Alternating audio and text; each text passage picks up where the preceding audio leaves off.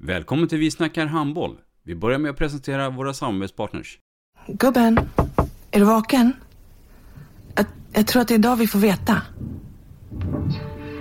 Jag kom in! Mamma, jag kom in! Mamma, jag kom in! Jag kom in! Ah! Vi finns där du är när livet förändras. För alltid välkommen till Länsförsäkringar. Nej men, ska du ha t-shirt på dig? Du, det är ingen vanlig t-shirt. Det är en nya bollar till klubben t-shirt. Och så matchar den grillkryddorna vi ska använda. Hur då? Men det är ju alla ska med på klassresan grillkryddor. Stötta barn och unga.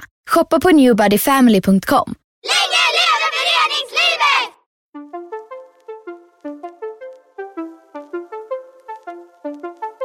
Välkommen säger vi till dig som lyssnar till den nya handbollspodden Vi snackar handboll med Robban Z. Vi snackar handboll, där du får veta alla sanningar som du inte visste att du missat. Vi snackar handboll. Idag i programmet Vi snackar handboll så har vi ju del två till minne av och för Bengt Johansson. Den folkkära förbundskaptenen som lämnade jordelivet i början på maj månad. Den här gången ska vi prata lite mera modern tid, alltså från tiden 93 och fram till Bengts bortgång.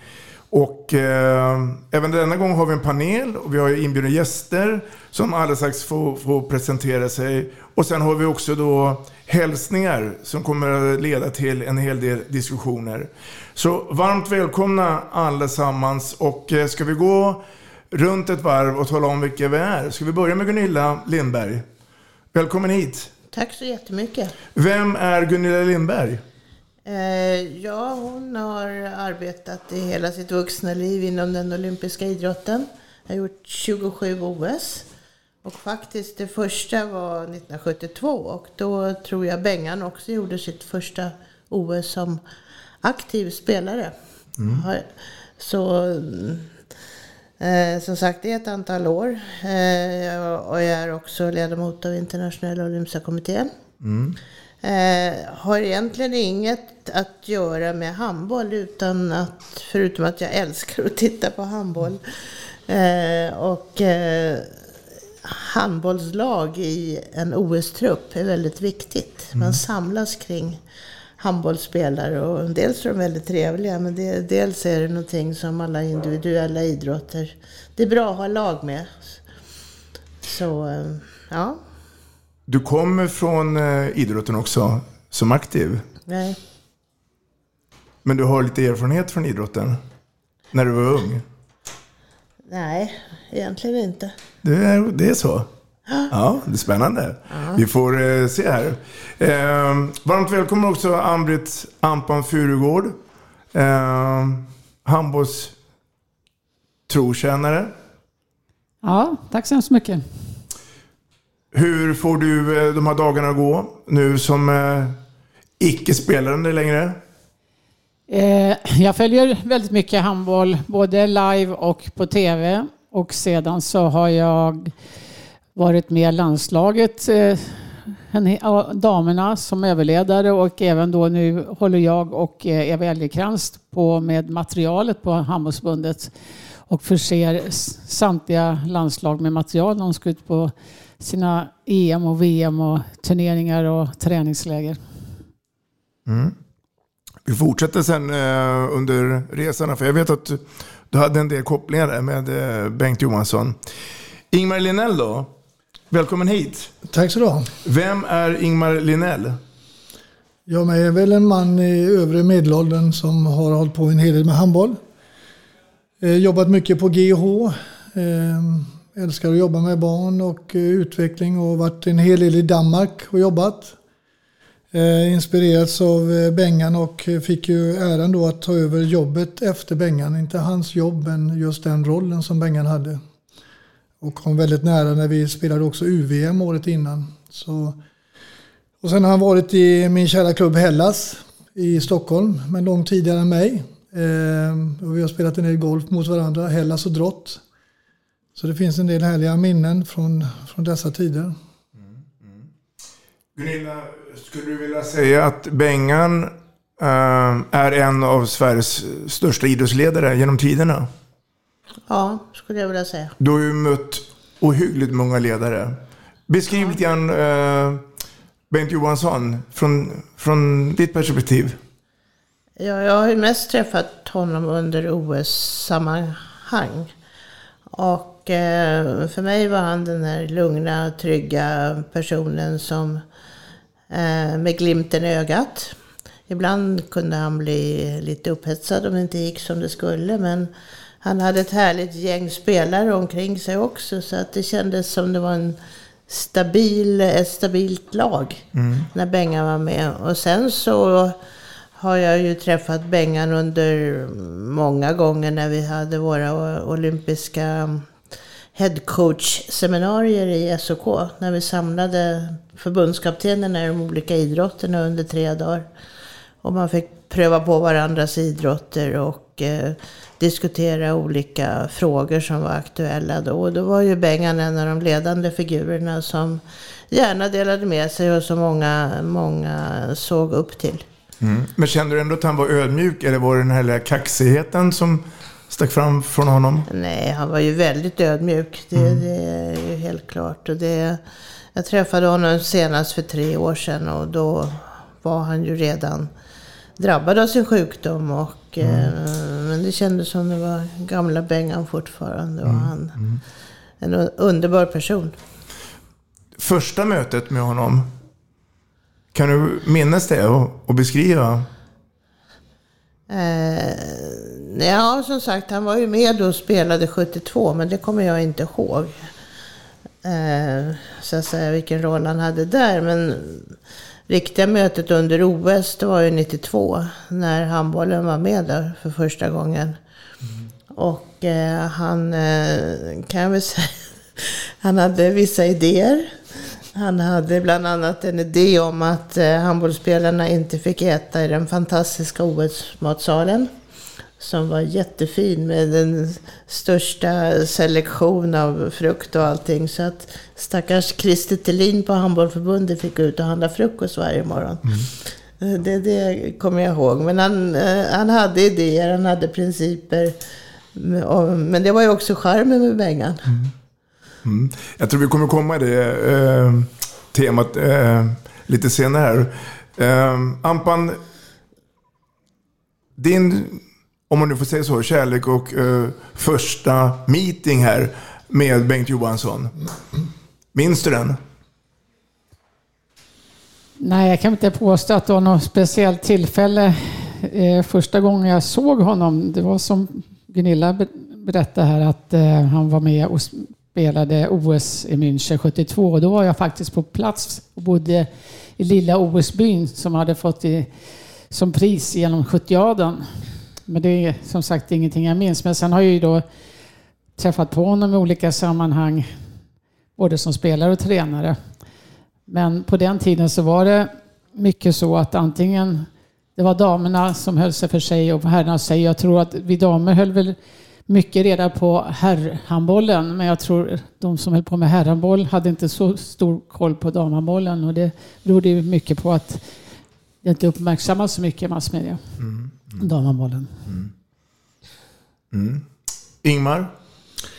Ja, men jag har ju träffat Bengan när han var tränare i idrott och under det, hela den perioden egentligen. Jag har ju inte spelat mot honom men eh, så det var väl, jag är svårt, jag kommer absolut inte ihåg första gången men han var en av de stora ledarna helt enkelt på klubbsidan i många, många år innan han tog steget över till, till landslaget och, och tog det vidare. Men förstod du det tidigt att det här kommer nog bli en ledare som vi får leva med över tid?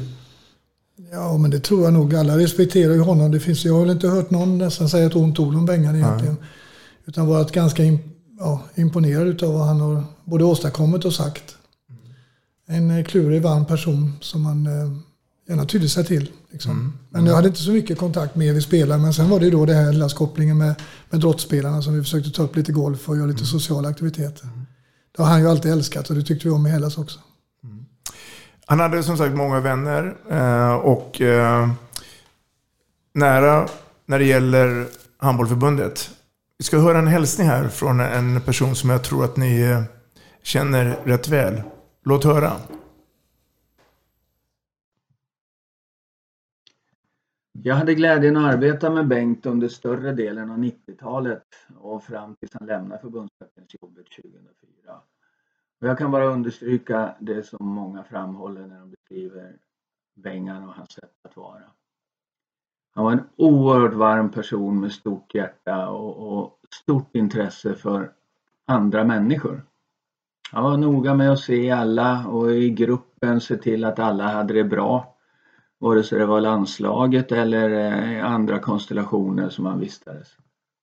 Och den bild av Bengan som, som dröjer sig kvar det är ju hans, hans charmiga leende och glimten i ögat. Eh, och den där glimten den hintar väl om att han hade en räv bakom örat också. Bengan var en stark personlighet. Han var mycket målinriktad. Som arbetsgivare var det väl inte alltid lätt att möta och verkställa alla hans planer när det gällde att förbereda laget inför mästerskap. Men, och det är omvittnat att vid sidan om det rent sportsliga Eh, fokuset så värnar han ju mycket om gruppens eh, sociala och kulturella upplevelser.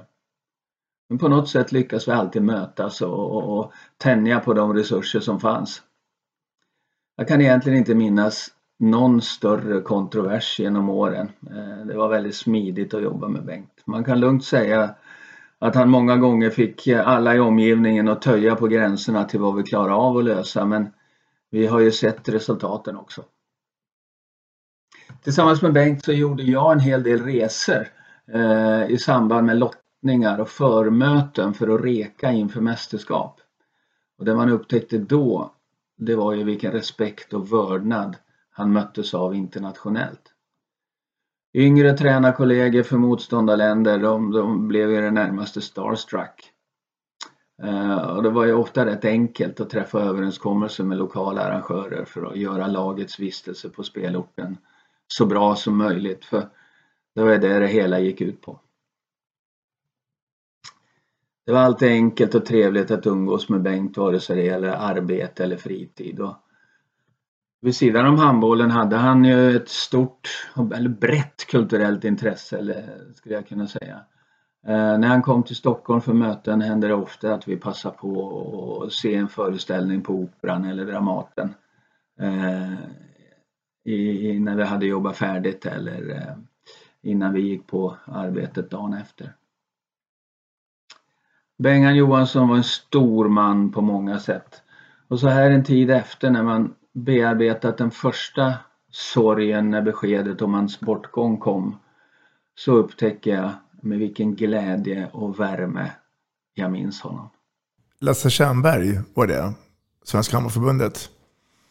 När du hör Lasse berätta, Gunilla, vad, vad, vad går dina tankar här? Nej men eh, jag känner ju Lasse också. Det, det, det han säger det stämmer ju tror jag vad de flesta känner och tänker om Bengan. Han, han var ju en väldigt varm person. Mm. Och så gillar jag det, men lilla, det här. Han hade alltid glimten i ögat och man visste inte om ja, han hade någonting där bakom örat som han ska ha något practical joke eller inte. Och det, det var ju handbollslaget då, nu pratar vi om herrarna för damerna hade inte kommit in ännu på OS där. Eh, de eh, skämtade ofta med de andra aktiva i mm. truppen. Mm. Jag kommer väl ihåg när vi var i Atlanta när, när de startade en insamling till tennisspelarna. Mm. Så att de, och, och lurade tennisspelarna att de måste betala för sig i den här OS-matsalen. Och eh, då var det en av spelarna som frågade mig, går det inte att betala med, med kreditkort? Mm. Så att de gick ju på hela den här historien. Mm. Och det var ju... Man, han fick alla att skratta och alla att ställa upp. Mm. Och, eh, och han såg alla. Det mm. var som jag då som liksom inte tillhörde någon handbolltrupp så det, det var alltid en, en, eh, ja, en kommentar eller hoppas du har det bra och hej och hå och sånt där. Så att det var, och sen till skillnad från det då när han var på planen så att säga, eller bredvid planen när han skulle vara han inte alltid var, kanske mm. under, i alla fall under OS. Mm. Eh, så var han ju oerhört kanske stark och dominant och man nästan, eh, ja då såg man ju också den andra blicken som Bengan hade när han var helt fokuserad på att han skulle vinna. Och eh, jag tror att det var väl kanske stora sorgen för Bengan att han inte lyckades ta ett OS-guld. Mm. Det blev ju tre silver och det första silvret var ju jättekul för det var i alla fall silver i OS-medalj. Men sen mm. kommer jag ihåg Atlanta, då, då var det gravöl nästan. Mm. Jag tänkte vi skulle, vi skulle göra så. Du skulle få egentligen berätta då eh, de här OS-upplevelserna. Eh, då. Det var ju så då att det blev ju ett VM-guld 1990. Och sen så kom ju då OS i Barcelona 92. Och sen var det VM på hemmaplan 93. Och sen så kom ju framgången med EM då 94. Men om vi ska ta olympiska spelen allihopa här. Och, och då har vi ju förstås då eh, eh, hjärnkirurgen Gunilla Lindberg som har fullständig koll på läget då, då, på de här olympiska spelen där. Varför, varför, svår fråga kanske, men varför tror vi att, att det inte blev ett olympiskt guld? Och vad är skillnaden mellan ett OS och de andra mästerskapen? Jag kastar upp lite frågor. Det är fritt att svara på dem.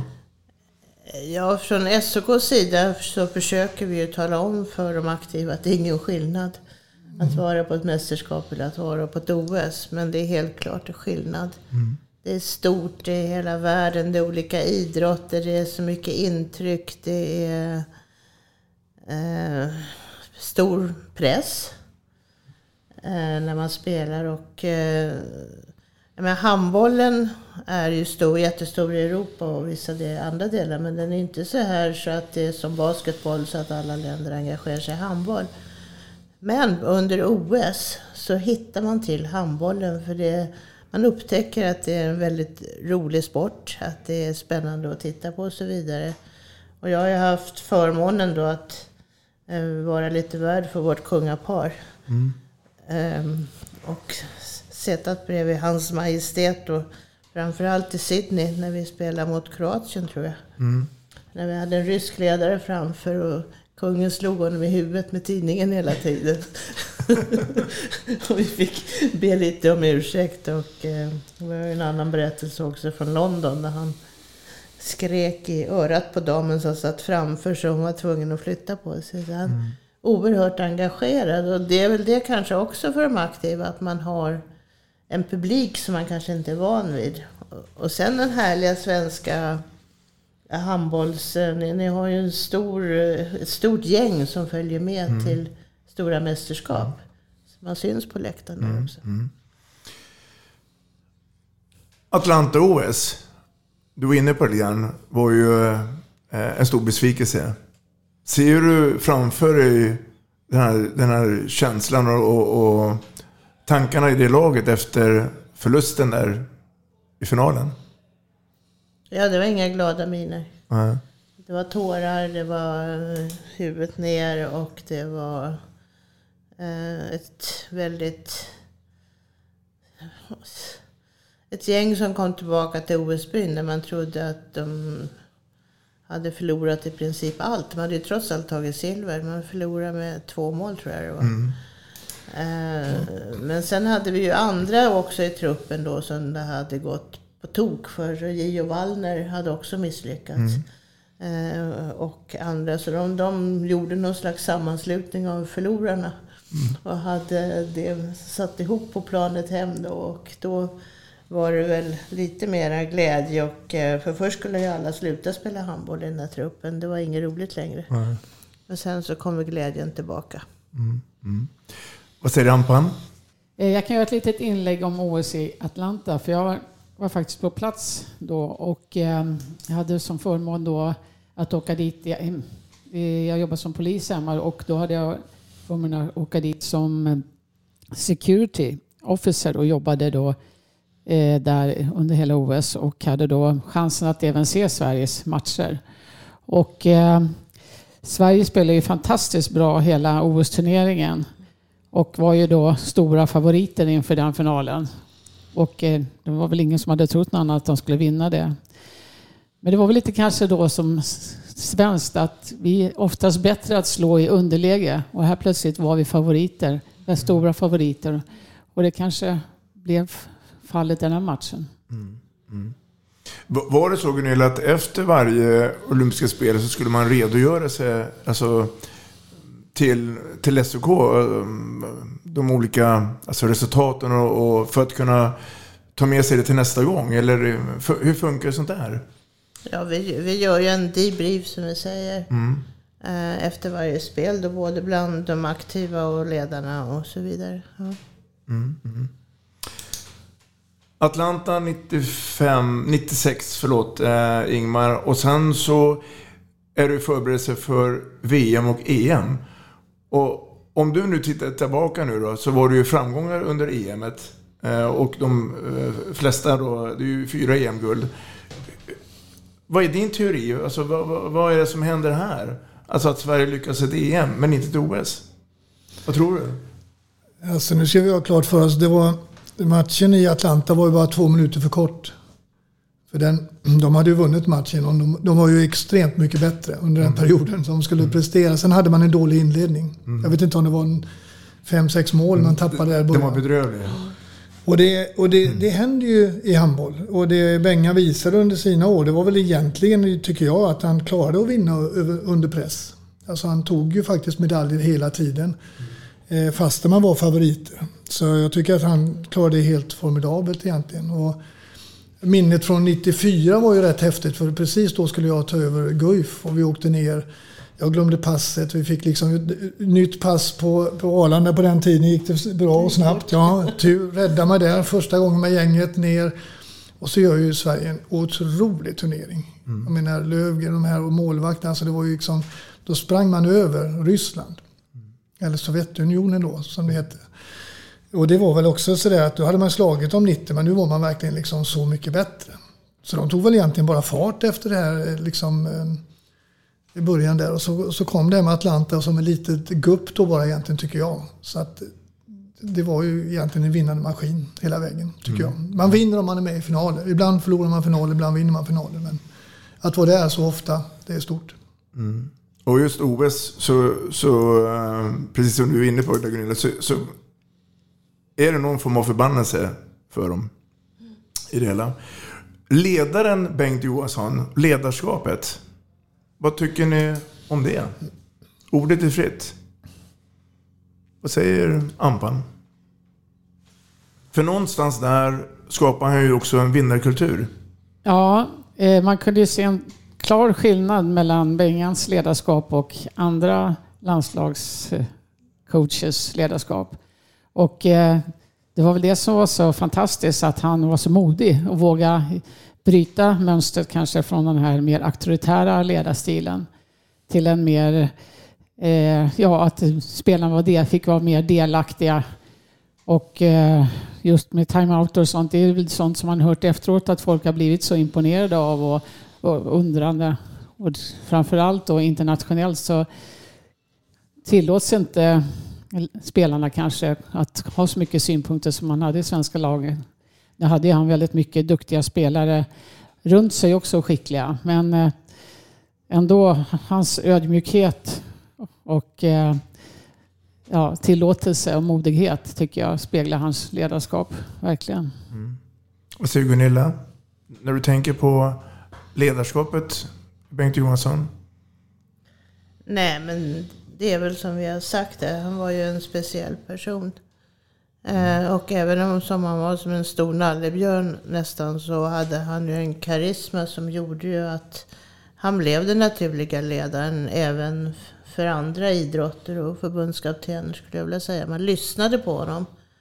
Eh, och eh, sen att han vågade då testa olika nya metoder och ibland kanske var lite besvärligt. Som vi pratade om det här med frukostarna när man skulle hämtas. Men eh, han, det var hans stil och han... Det var ingen som tog illa upp för det, men han vågade sticka ut. Mm. I, I, all sin vänlighet och all sin... Kanske, han var ju ändå en mjuk ledare tycker jag. Mm. Var det många förbundskaptener i andra idrotter som, som tog kontakt eh, med er och, och ville träffa Bengan eller tog direkt kontakt med honom och, och, och var lite nyfikna på hur, hur han tänker och tycker om, om ledarskapet? Ja, vi hade ju våra förbundskaptensseminarier en mm. gång om året. Där vi samlade alla förbundskaptenerna och där fick man ju då lätta sitt hjärta på frågor som kanske var för går det dåligt och hur gör du i en sån här situation och mm. så vidare. Och man lyssnar väldigt mycket på Bengan. Absolut. Mm. Mm. Och sen var han ju faktiskt, han var ju förbundskapten för Australien innan OS i Sydney. Mm. Ett eh, kort tag där. Mm. Eh, så, eh, men jag tror att det var ändå, han var ändå svensk, så mycket svensk man kan bli. Mm. Eh, hemmakär och eh, som sagt med många intressen även utanför idrotten. Mm. Efter då Atlanta-OS 96 så misstänker jag att det fanns någonstans revansch inför OS i Sydney.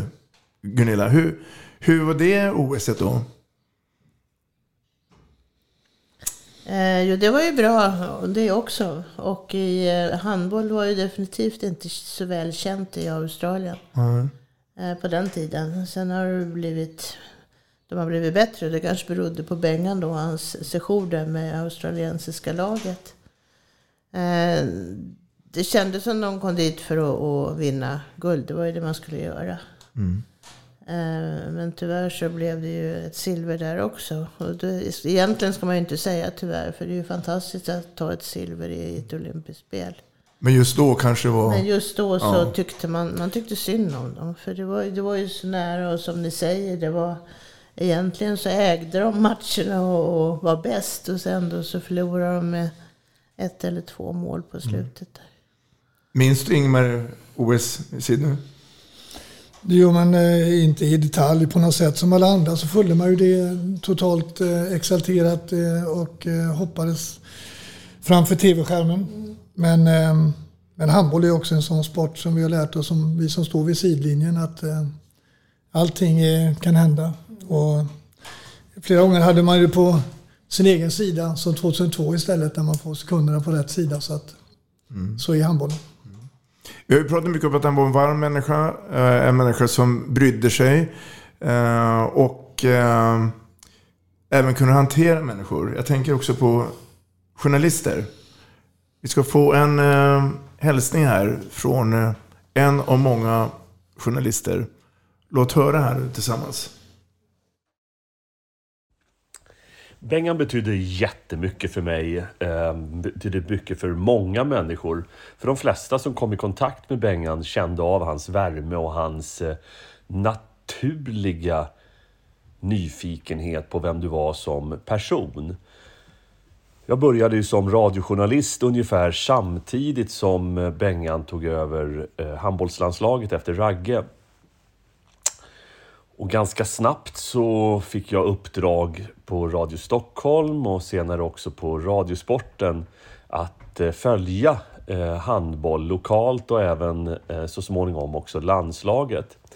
Ehm, och i den rollen så kunde jag ringa jämt till Bengan och ställa mina novisa frågor och han kunde ha tålamod med mig, visa upp olika fakta, berätta berätta om bakgrund till både spelsystem och till varför han också ibland tog ut spelare framför andra spelare.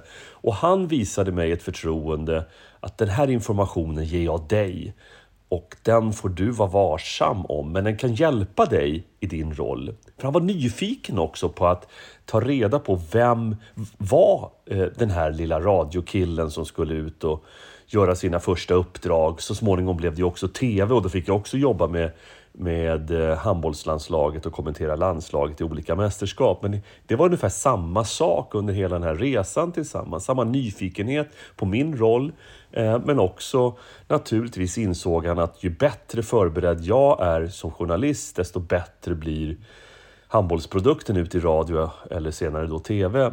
Så det fanns liksom ett ömsesidigt intresse. Men eh, allt som jag kan om handboll brukar jag säga har jag lärt mig av Bengan. Han gav mig så otroligt mycket eh, inside om spelet och om eh, vad som var viktigt att betona när man skulle kommentera eh, handboll. En otroligt bra människa och efter att han slutade som förbundskapten har jag också träffat honom i olika sammanhang och det har han alltid varit lika eh, lika glad, lika intresserad av hur är det med Emil, alltså min son, som han kunde komma ihåg namnet på och, och fortfarande liksom visade intresse för mig som person. Någonting som jag tycker bara stora människor har den egenskapen att vara så eh, naturligt intresserad av andra. Och jag tror att det var liksom lite av grunden till hans stora ledargärning för svensk handboll. Vi har aldrig haft någon större, jag menar att han, vi har inte haft någon större idrottsledare överhuvudtaget än, eh, än Bengt Johansson. Eh, det är grunden, nyfikenheten, viljan att gå lite djupare under skinnet, hitta någonting nytt och eh, samtidigt vara liksom true to the game som han var på ett helt unikt sätt. Ett helt unikt sätt. Han tog hand om alla och bara man skötte sig så var man för evigt inne i den kretsen av människor som han tyckte att han kunde lita på, som han kunde någonstans har en relation till. Jag kommer ihåg många av de här roliga sakerna med Bengan. Som till exempel VM-finalen 2001. Det var ju mycket hysch-hysch där. Skulle Staffan Olsson som var skadad komma till spel, han var i Paris, så han, eh, Bengan bjöd ner Staffan till träningen. Sen fick, Staffan reda på, eller fick Bengan reda på att jag och eh, Per Kalén var i Paris också. Vi var nere och morsade på, på laget på ett hotell eh, där laget bodde. Och Bengan tyckte, Pelle, kan inte du dressa om och komma på en av de här sista träningarna? När fransmännen är där och spionerar, hänger i någon loge eh, och ska liksom plocka ut det sista av information och göra sin analys. Ja, men det kan man väl göra? Alltså allt det där, den här räven bakom örat som han hade och som förbryllade så många av hans motståndare och säkert också har fått beundrarskaran att växa genom åren och den här myten kring Bengan att växa under åren. Den fanns där hela tiden. Som att han pratade, låtsades förstå att han kunde ryska när Maximov, hans all, alltid närvarande eh, antagonist som rysk förbundskapten, Tänk han står där vid timeouten och, och, och Bengan låtsas lyssna och går in och kör sin timeout. Och, och Maximov då tror, kan, kan han, kan han någonting? Kan han vad jag sa? Vet han vad vi ska göra nu? Allt det där eh, tycker jag någonstans fascinerar utöver det vanliga när det gäller en, en idrottsledare, förbundskapten. Bengan kommer ju vara saknad, enormt saknad. Eh, dels som eh, den idrottspersonlighet han var, men jag kommer också sakna honom som den människa han var den människa som man på något sätt alltid kunde känna värme inför när man träffade honom. Och eh, det är nog en känsla som jag alltid kommer att bära med mig. Åke Unger, numera på TV4 då. Någon som vill eh, kommentera någonting? Är det? Vad säger Ingmar? Eh, eh, nej, men inte, inte just det. Men eh, jag vet inte, vi, vi kommer väl in på lite grann eh, när han slutade då sitt, sitt uppdrag. Och eh, vi talar om ledarskapet som han hade. Så fick jag ju möta det på lite, på lite närmare håll. Och eh, ett var ju att han trodde ju på mig som, som en kommande då förbundskapten. Och jag var inte med i det här Bengan Boys. Jag hade liksom en landskamp och de hade flera hundra.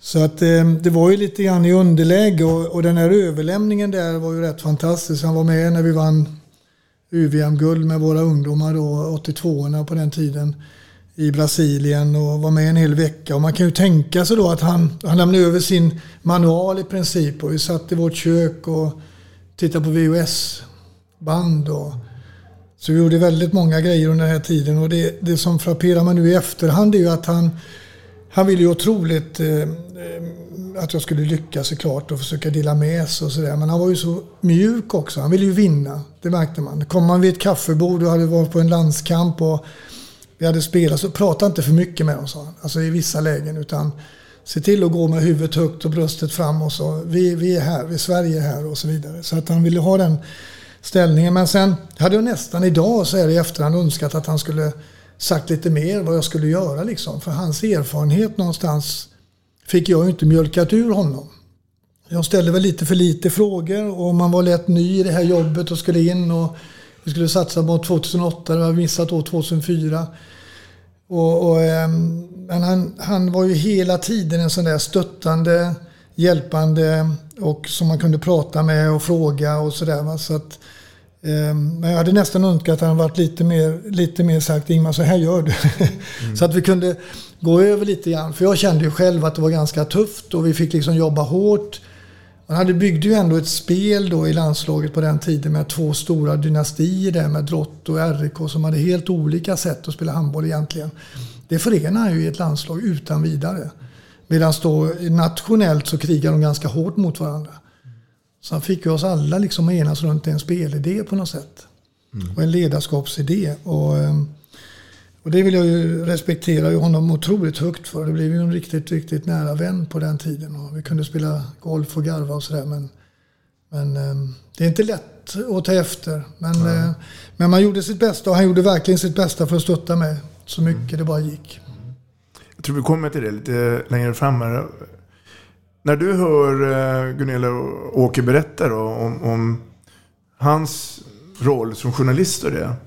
Eh, märkte du där under er tid att det var aldrig några problem med honom att ställa upp på intervjuer och sådana saker under olympiska äventyren?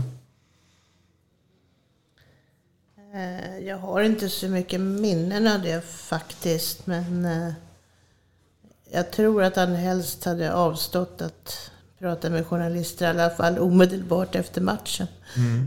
Men sen att tänka över situationen. Mm. och mm. Men det var, det var liksom aldrig några problem att få honom att ställa upp på presskonferenser och sånt där. Nej, nej. Ampan eh, Globen EM 2002. Var du där då? På det mästerskapet? Ja, det var jag. Vad har du för minne från det? Den dramatiska finalen tänkte jag på kanske. Mm. Låt höra här. Gensel är kvar på bänken. Sverige har sju utespelare på banan när vi ska gå till anfall. Det är 29 minuter och 43 sekunder att spel, spelade av EM-finalen i handboll och det är Tyskland som leder med uddamålet 26-25. Thomas Sivertsson har bollen för att kasta frikast. Vranjes, Staffan Olsson och Lövgren finns på banan. Magnus Wislander, Martin Frändeskog, Johan Pettersson. Bollen till eh, Wislander som tappar bollen men då är det snabbt avblåst för ett, eh, tysk utvisning. en tysk utvisning och ett svenskt frikast. Ped Pedersen åker ut för att han höll i tröjan. Och den som åker ut är Klaus Dieter Pedersen och det han inte gå mer än eh, ett antal sekunder. Det är 49 spelade nu. Det är 11 sekunder. sekunder. kvar för Sverige där han går 6 sekunder. Nu är tyskarna en man mindre på banan dessutom och gör Sverige mål så kommer tyskarna att få börja förlängningen med en man mindre på banan. Men det är väldigt mycket positivt tänkande. Vi tar väl det här först. Ja, vi ska, vi ska göra mål här först och det Ljubomir Vranjes. Vranjes, bollen i spel till Staffan Olsson. Staffan Olsson! Ja! Staffan Olsson gör mål! Måste det är fyra sekunder kvar. Slår mot målvakten. Titta på Tyskarna skjuter ifrån mittlinjen, men jag tror inte att domarna har godkänt det avkastet. Det tror inte jag heller. Nej. Nu ska vi se. Nej, nu blir det palaver vid sekretariatet. Målet mål. är inte godkänt. Det är inte mål. Eh, tyskarna sköt alltså omedelbart ett snabbt avkast men de makedonska domarna godkänner inte det avkastet. Klockan står på 30 minuter. Det är, 26-26. Det är två sekunder kvar att spela. Det är dessutom en svensk tvåminuters utvisning på Johan Pettersson. Kan hända att Sverige hade en spelare för mycket på banan. Det var ju så att det blev ju en förlängning. Minns du den här tillställningen Ingmar? Förlängningen var väl nästan Jobos där va? Han mm. var ju fantastisk, gjorde ett par genombrott. Och, så den ägde väl de. Och det jag kommer ihåg, eh, när det väl kom över där så, så vann de väl med två mål eller? Vi, vi backar tillbaka och lyssnar. För här kommer slutet. Det var fyra sekunder.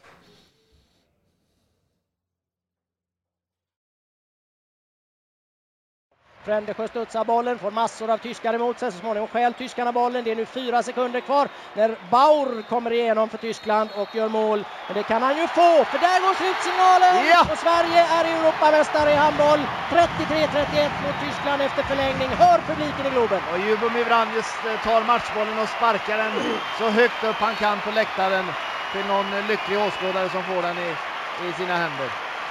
Fantastiskt, vilket lag, vilken, vilken insats, enorm.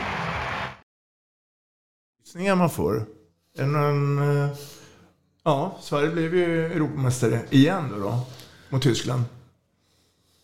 Vad säger vi? Nej, det var grymt. Det var ju en häftig och det var, vi som var där på läktaren var ju liksom med nästan ända ner på plan liksom och jag tror det var en enorm glädje. Man såg ju verkligen spelarna fick liksom extra det här. Känslan att vinna på hemmaplan måste varit fantastiskt för dem. Mm. Hur, hur är det möjligt egentligen under så många år som förbundskapten och lyckas gång på gång på gång och hålla sig framme bland de äldsta valörerna? Vad säger Gunilla? Hur är det möjligt? Ja, den som kan svara på den frågan är nog... Eh, jag vet inte, men det är väl så också att ibland så framgång föder framgång och man är i en flow som det heter, så det går bra. Eh, men det gäller ju också att kunna ta en förlust Mm. och inte deppa ihop utan att man, man har den här positiva synen tror jag. Och, och framförallt om, som det är en, en lagsport, om att man har laget med sig och att man... Eh, Och bevisligen kunde han och landslaget ta förluster och ändå komma tillbaka igen. mm. Mm. Amban? Ja, de måste ju haft otroligt eh, kul tillsammans för att eh, det var ju många spelare som spelade väldigt länge. Och det, det var väl den kritiken Bengan kunde få ibland, att han inte föryngrade. Men samtidigt när de här eh, vann mästerskap efter mästerskap så då visade han ju att det var bästa laget som han kunde få ihop. Och det var ju sällan, eller det var väl aldrig någon som tackade nej direkt för att spela i landslag utan det verkar, alla ville vara med och de har- verkar ha otroligt kul tillsammans. Mm. Håller du med Ingmar?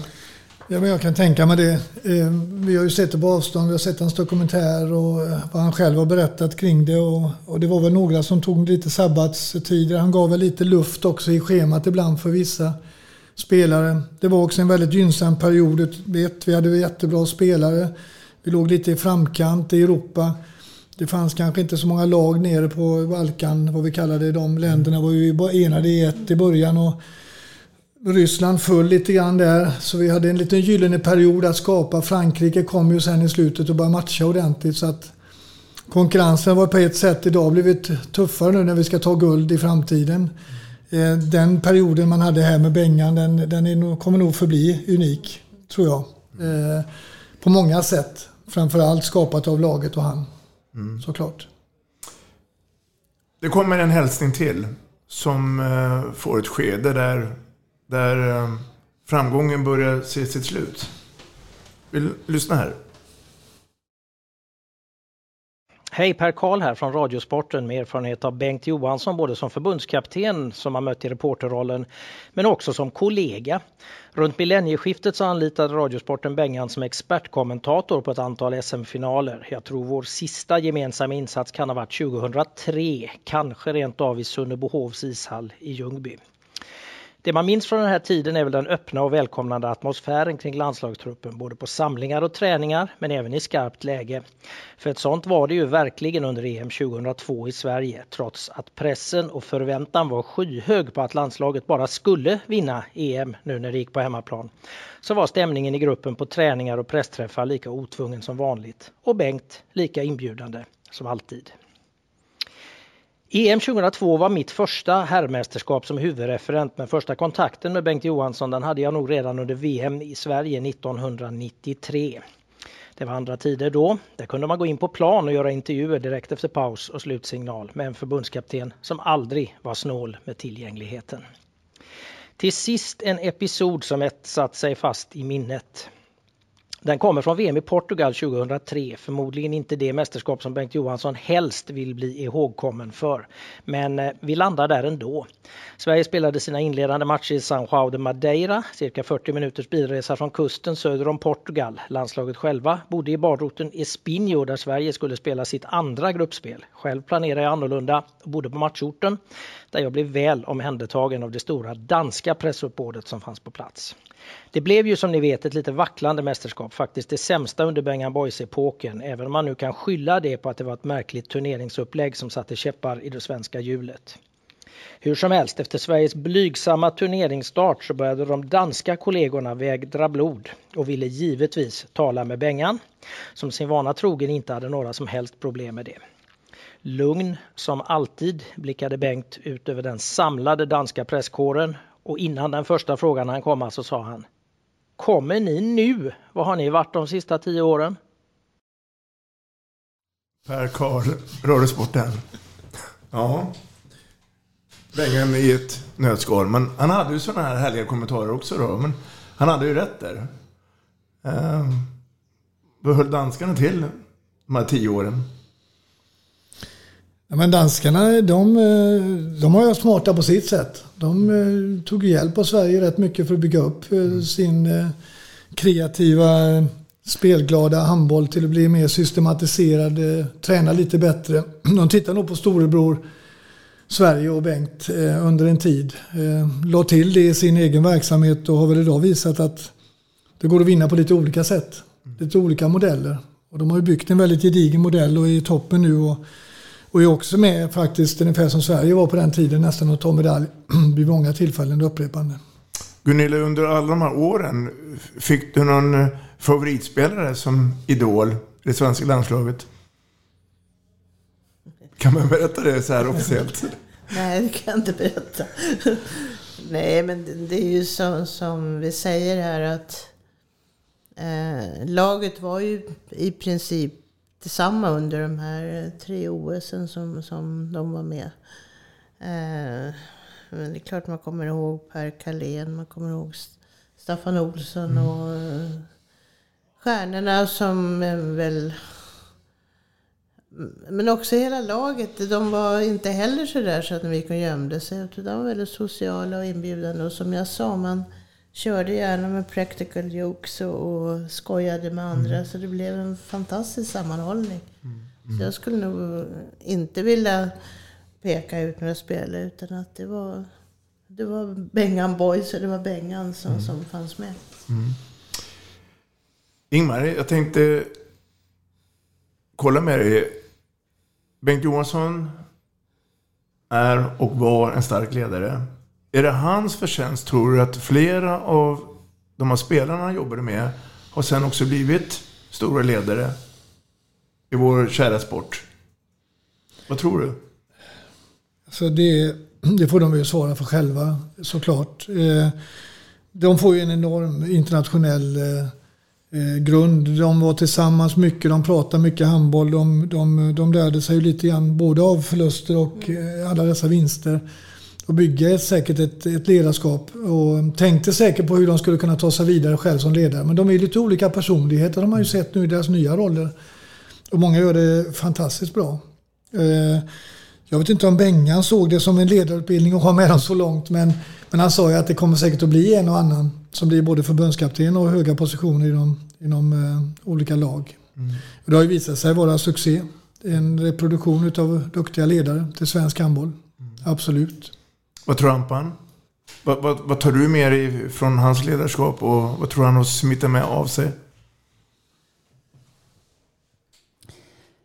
Jo, men naturligtvis tror jag att, han, att, att de har blivit eh, färgade av hans ledarskap. Nu har ju många av dem spelat proffs utomlands och haft många olika ledare, ledare under den tiden. Och många av de här spelarna har ju haft eh, sin sitt aktiva liv som yrke i princip. Kanske den första generationen som verkligen haft sitt handbollsspelande som yrke och gjort det långt upp i åldrarna. Så det kanske har blivit naturligt att de fortsätter med handboll i sitt yrkesliv. Mm. Antingen som ledare eller ja, som Stefan Löfgren nu inom aktiebolaget handbolls. Mm. Så att eh, deras intresse för handboll har väl blivit genom att ett mer yrkesval kan man säga. Som inte tidigare kan ha funnits möjlighet till. Gunilla, det blev inte något fjärde OS 2004 i Aten för Sverige. Du skakar på huvudet. Eh, sorgens kanske mästerskap när det gäller handbollen där. Men hur, hur, hur var känslan och tankarna då när, när inte Sverige kvalificerade sig för OS? Det var jättetråkigt. Mm. Eh, Som jag sa tidigare så betyder det så oerhört mycket att ha ett lag med. Och, och vi, var ju, vi var ju vana då att ha handbollslaget också som, eh, som, hade, som var duktiga och bra och en förebild för många. Eh, det kändes tomt. De, de hörde till vår, vårt OS på något sätt. Så skulle det vara ett, ett handbollslag med. Men sen tack och lov så ändrade det sig. Mm. Och där någonstans så blir ju sen ett ledarskifte, Ingmar. Eh, Ingmar Linnell tar över blågult efter en fantastisk resa. Eh, en tuff utmaning och ett uppdrag. Ja. Men tvekar du någon gång att "Ah, ska jag verkligen ta över efter Bengt Johansson? Men det var kanske som jag inledde med att det var inte hans jobb, det var ju rollen. Men hans sätt att sköta den rollen gjorde väl att pressen på efterträdaren blev desto större. Så är det ju. Men det finns ju inte så mycket att fundera över i sådana lägen. Antingen gillar man ju liksom att hålla på med handboll på högsta nivå. Och det gjorde jag ju då. Ehm, Jag hade hållit på med U-landslaget och tyckte att det var otroligt spännande. Så jag tänkte nog inte speciellt mycket på det faktiskt. Ehm, utan försökte suga åt mig så mycket som möjligt och försöka ta det här vidare så gott jag kunde. Ehm, men det förändrades ju där. De här äldre spelarna började ju liksom, en del slutade ju helt. Och en del var fortfarande tillräckligt bra. Ehm, och många unga kom upp och vi vann där UVM. Så det var ju att bygga någonting helt nytt. Försökte du övertala eller övertyga de här spelarna som var lite tveksamma att fortsätta? Som var med i Bengans gäng där? Eller, eller kände du att det är lika bra att börja om lite från början? Alltså jag vet inte om man kan börja om från början någonsin i ett landslag egentligen. Man får ta de bästa spelarna man har tycker jag. Det är mitt sätt att se på det. Sen får man ju aldrig ha med någon som är för trött eller någon som är för dålig eller för gammal. Beroende på det och prestera mindre och, och inte ha drivet kvar. va. Men, eh, och det är klart det ska vara ett lag utav det. Och den, den resan blir svår hur man än gör. Bygger du helt nytt så blir det svårt. Och, och behåller du förmågan? alltså det, det finns liksom inget facit på det egentligen. Och, och, eh, vi gjorde det bästa av den situationen tycker jag och många bidrog verkligen fortfarande. Ehm, och sen vi ledare som var på den tiden och följde Bengan, det är klart vi influerades av hans sätt att leda och det passade väl i alla fall min personlighet ganska bra. Att leda på liknande sätt. Men du fick ju lite leende igen sen Gunilla, för att 2012 så är ju Sverige tillbaka. Berätta den resan då. I London. Ja, det var ju fantastiskt. För det, vi kanske inte, eller kanske var bara jag, men man hade ju inte den här samma känsla som att nu skulle vi åka hem med ett guld. Eh, det var ju i princip, eh, ja, det var kul att ha ett handbollslag med, men jag tror inte förväntningarna var så jättestora. Mm. Och sen så slog vi, jag tror vi slog Island. I en väldigt, väldigt spännande match. Och sen var vi helt plötsligt i final mot Frankrike. Mm. Eh, Med Ola och eh, Staffan som förbundskaptener. Ja, och det var ju jättespännande. Och som sagt, här var ju kungen med igen och skrek i örat på den här franska damen. Eh, och det var en fantastisk stämning. Och eh, då hade man ju... Det läget hade man ju hoppats att eh, kanske skulle vi få det här handbollsguldet i alla fall. Eh, men ändå så, jag menar silver var ju över förväntan tror jag för många. Och jag hade ju äran att dela ut medaljerna där och det var inget roligt jobb kan jag väl säga till. Mm. För att man, det, de var ju, de kände, de var ju förlorare enligt sitt eget omdöme då och det gick inte att prata med och huvudet ner och allt sånt där. Men sen så eh, när man väl kommer över det här så det var ju fantastiskt faktiskt att vi kom så långt i den turneringen. Det var jättekul.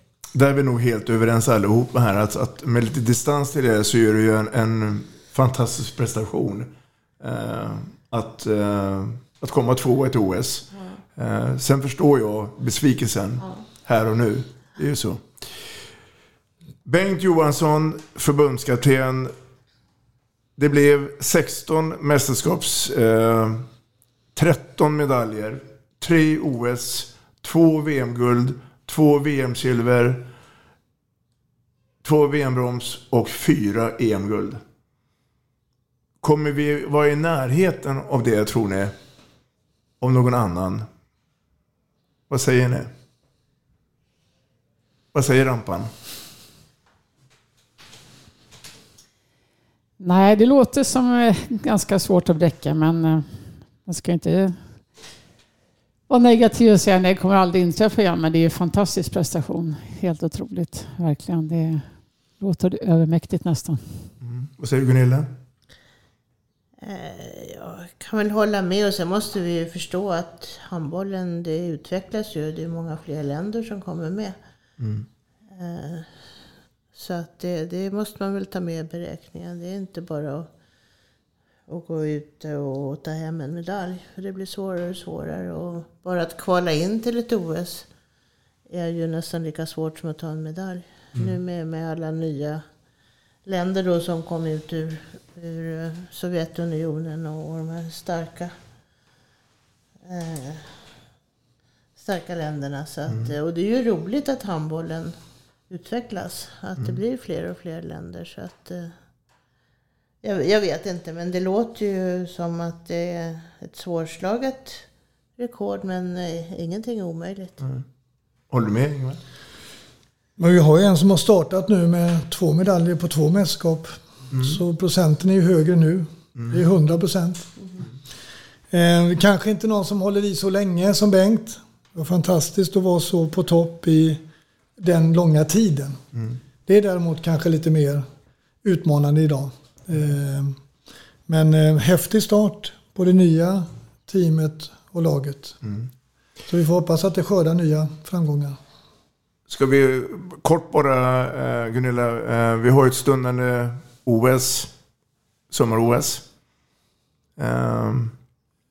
Vad, vad, vad, vad har vi för tro, hopp och kärlek här till, eh, till Sverige och, och, hela, hela nationens eh, sportliga rike till det mästerskapet? Ja, jag menar som jag sa, konkurrensen blir ju större och större. och Det är fler och fler länder som tar medalj. Men eh, vi kommer att ha ett starkt lag som åker till Paris, det är helt klart. Mm. Mina vänner, tiden har kommit ikapp oss. Det har varit en ära att haft er här och eh, tänkte ni skulle få några avslutande ord då eh, från eh, er respektive till minne av Bengt Johansson. Eh, ja, den eh, gången jag kontakt med Bengan lite mer, det var ju då eh, efter VM 93. Då jag eh, hade lagvärd för det tyska laget och sedan då fick present av laget att åka med det svenska laget till Supercup senare i oktober. Och då var jag väldigt mycket med Bengan och Carrie då som också var med som ledare. Och då föreslog han då att eh, kan inte du bli förbundskapten för damerna så kan vi inleda ett samarbete mellan herr och damlaget och att han kunde dela med sig lite. För då hade ju damernas landslag inte, de var inte lika framgångsrika som de är nu senare år. Och det visar då att han, ja, hans intresse även då för damerna som inte hade visats kanske lika mycket från herrtränare. Så det, var, det tycker jag var väldigt fint av honom. Eh, nu blev det inte så, men eh, vi har träffats väl under årens lopp och den sista gången jag träffade Bengan, det var för två år sedan på hösten när jag var nere i Halmstad, närmare vid Frösakull och spelade golf med några kamrater. Och då hade vi varit ute och ätit på Salt på kvällen vid Tylösand. Och när vi gick hem då i regnet så gick vi vid Bibängens hus och det lyste och jag såg att det var att de rörde sig där inne så jag tänkte jag ska gå in och ringa på och hälsa. Och det var Ann-Kristin som öppnade och hon kände inte riktigt igen mig för där stod jag då i blöta kläder och regnkappa. Men eh, jag presenterade mig och då hörde Bengan det inifrån och ropa Ah, Ampan, kom in, kom in. Så då gick jag i alla fall in och pratade med honom. Och vi pratade handboll och han var väldigt intresserad av damerna och kände väl till alla spelarna där och hur, hur resultatet hade varit och i kommande turneringar. Så att det var visa, visade hans allmänna intresse både för, för damhandbollen och herrhandbollen och personerna runt omkring. Så jag är väldigt glad att jag ringde på där i alla fall och fick träffa honom sista gång. Mm. Gunilla, har vi några slutord från dig? Ja, tack för att jag fick komma hit kan jag väl säga. Och det känns när vi sitter så här och pratar så känns det som om tiden kommer tillbaka på något sätt. Och att det blir de här nära minnena som egentligen är ganska så länge sedan. Men jag är väldigt glad att jag fick förmånen att lära känna Bengan eh, under de här åren och eh, med den person han var. Och den epok i, i handbollens historia i Sverige. Men med det sagt så tror jag nog att framtiden är god också. Och att vi ska komma ihåg Bengan med glädje och allt han gjorde för oss. Men att det finns även en ny, eh, ett nytt gäng som kommer att på ett annat sätt eh, glädja oss under många, under många stunder och förhoppningsvis också under ett OS. Och kanske guldet kommer. Mm. Ingmar? Ja, men det är som man säger, det växer en, en massa minnen. Och eh, den värme och respekt som man fick möta från honom hoppas man att man kan ge vidare till unga ledare i framtiden.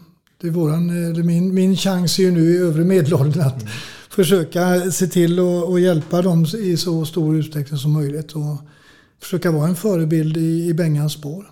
Det tror jag är, många kan må ganska bra utav.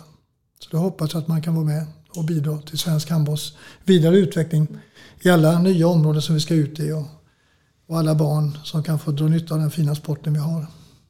Med dessa ord från våran eh, gästpanel så tackar vi Snackar handboll eh, för hela. Jag personligen har ju också starka minnen om Bengt Johansson. Eh, alla minnen som eh, vi gjort tillsammans. Alla glädjen, alla resultat. Och framförallt den ledaren som du har varit i så många, många år. Det kommer i alla fall jag komma ihåg så länge jag lever. Och jag vet att det är många som instämmer. Så tack Bengt Johansson för all tid du har lagt ner för svensk handboll.